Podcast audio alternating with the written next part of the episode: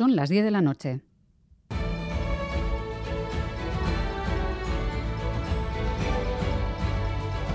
Radio Euskadi y Radio Vitoria.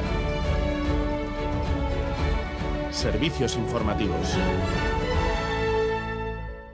Repasamos los titulares más destacados del día con John Fernández Mur, Gabón. Gabón, Miriam, noticias de este jueves 9 de febrero, en el que comenzamos hablando del endurecimiento de las multas por el uso indebido de armas blancas. Portar un cuchillo o una navaja prohibida, pasar de 11 centímetros, pasa de costar 900 euros a 1.500. Llevar un arma reglamentada pero en un lugar no permitido conllevará 1.000 euros de multa, 400 euros más. Además de eso, las sanciones incrementarán dependiendo de los posibles agravantes. Rodrigo García, viceconsejero de Le va a salir caro, va a salir caro su uso. Si es un arma reglamentada, en un ámbito público, en un ámbito en el que hay concentración de personas, o en un ámbito de ocio, le va a costar 2.000 euros. Si la persona que la aporta está bajo la influencia de las bebidas alcohólicas o de las drogas, pues será 3.000. En el caso de que la exhiba o amenace con ella, pues 4.000.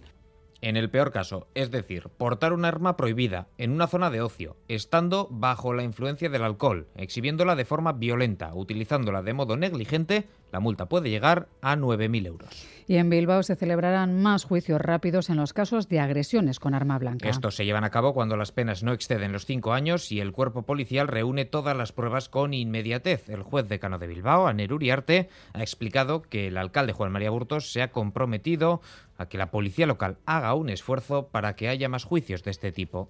Yo la reunión que tuve con el alcalde me trasladó la intención de promover más juicios rápidos. El cambio eh, consiste o consistirá en que nos empezarán a llegar atestados con juicio rápido porque el cuerpo policial hará un esfuerzo para que esté todo ese día. Tras el informe de la UPV que denunciaba ayer lo poco que cobran en Euskadi los universitarios al terminar la carrera, la consejera de Desarrollo Económico opina que el análisis no es tan sencillo y que hay que ver lo que se cobra con el paso del tiempo. Sí, Arancha Tapia considera que no hay que fijarse en lo que se cobra tras graduarse, sino en el desarrollo profesional que se alcanza con los años. Cree Tapia además que Euskadi no se puede comparar con otros países porque los sueldos en ellos son más elevados, sí, pero también lo es vivir en esos países. Inguruan zer dagoen, zenbat kostatzen da etxe bizitza, zen motatako zerbitzuak daude, osasuna, hezkuntza, zenbat kostatzen zaigu erosketak egitea. Agian esaten diate, bueno, ba, Singapurren gehi ordaintzen da, edo Alemanin gehi ordaintzen da, egia da, baina bizikalitatea nolakoa da, eta kostuak zenbatekoa dira. Ze guztia jartzen degunean, maila berdinean, bagian diferentzia ez da inbestekoa.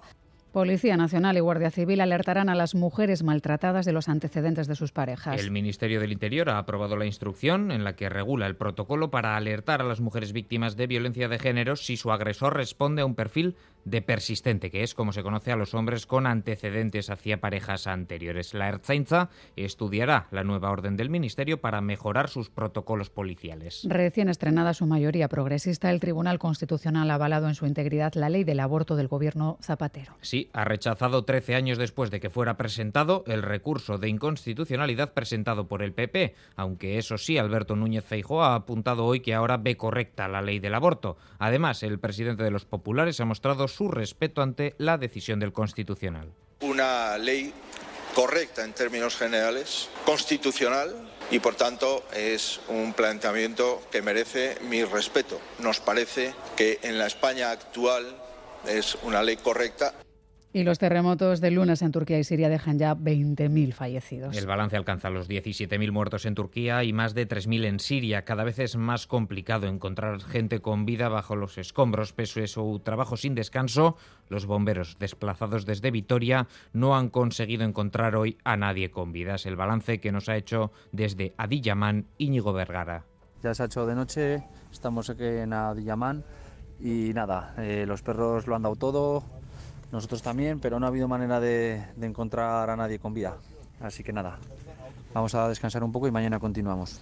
Además, aquí en Gambara hemos podido escuchar al sacerdote Fadi Najar desde Alepo, Siria, donde la situación es de mucho frío, nos decía, y de una inmensa destrucción. Estamos hablando de miles de muertos, miles de heridas, una situación, la verdad, que yo llevo dos, tres días sin dormir porque eh, cada, cada momento, a cada hora, estamos eh, recibiendo a gente, ¿no? Hemos visto la muerte delante de nuestros ojos.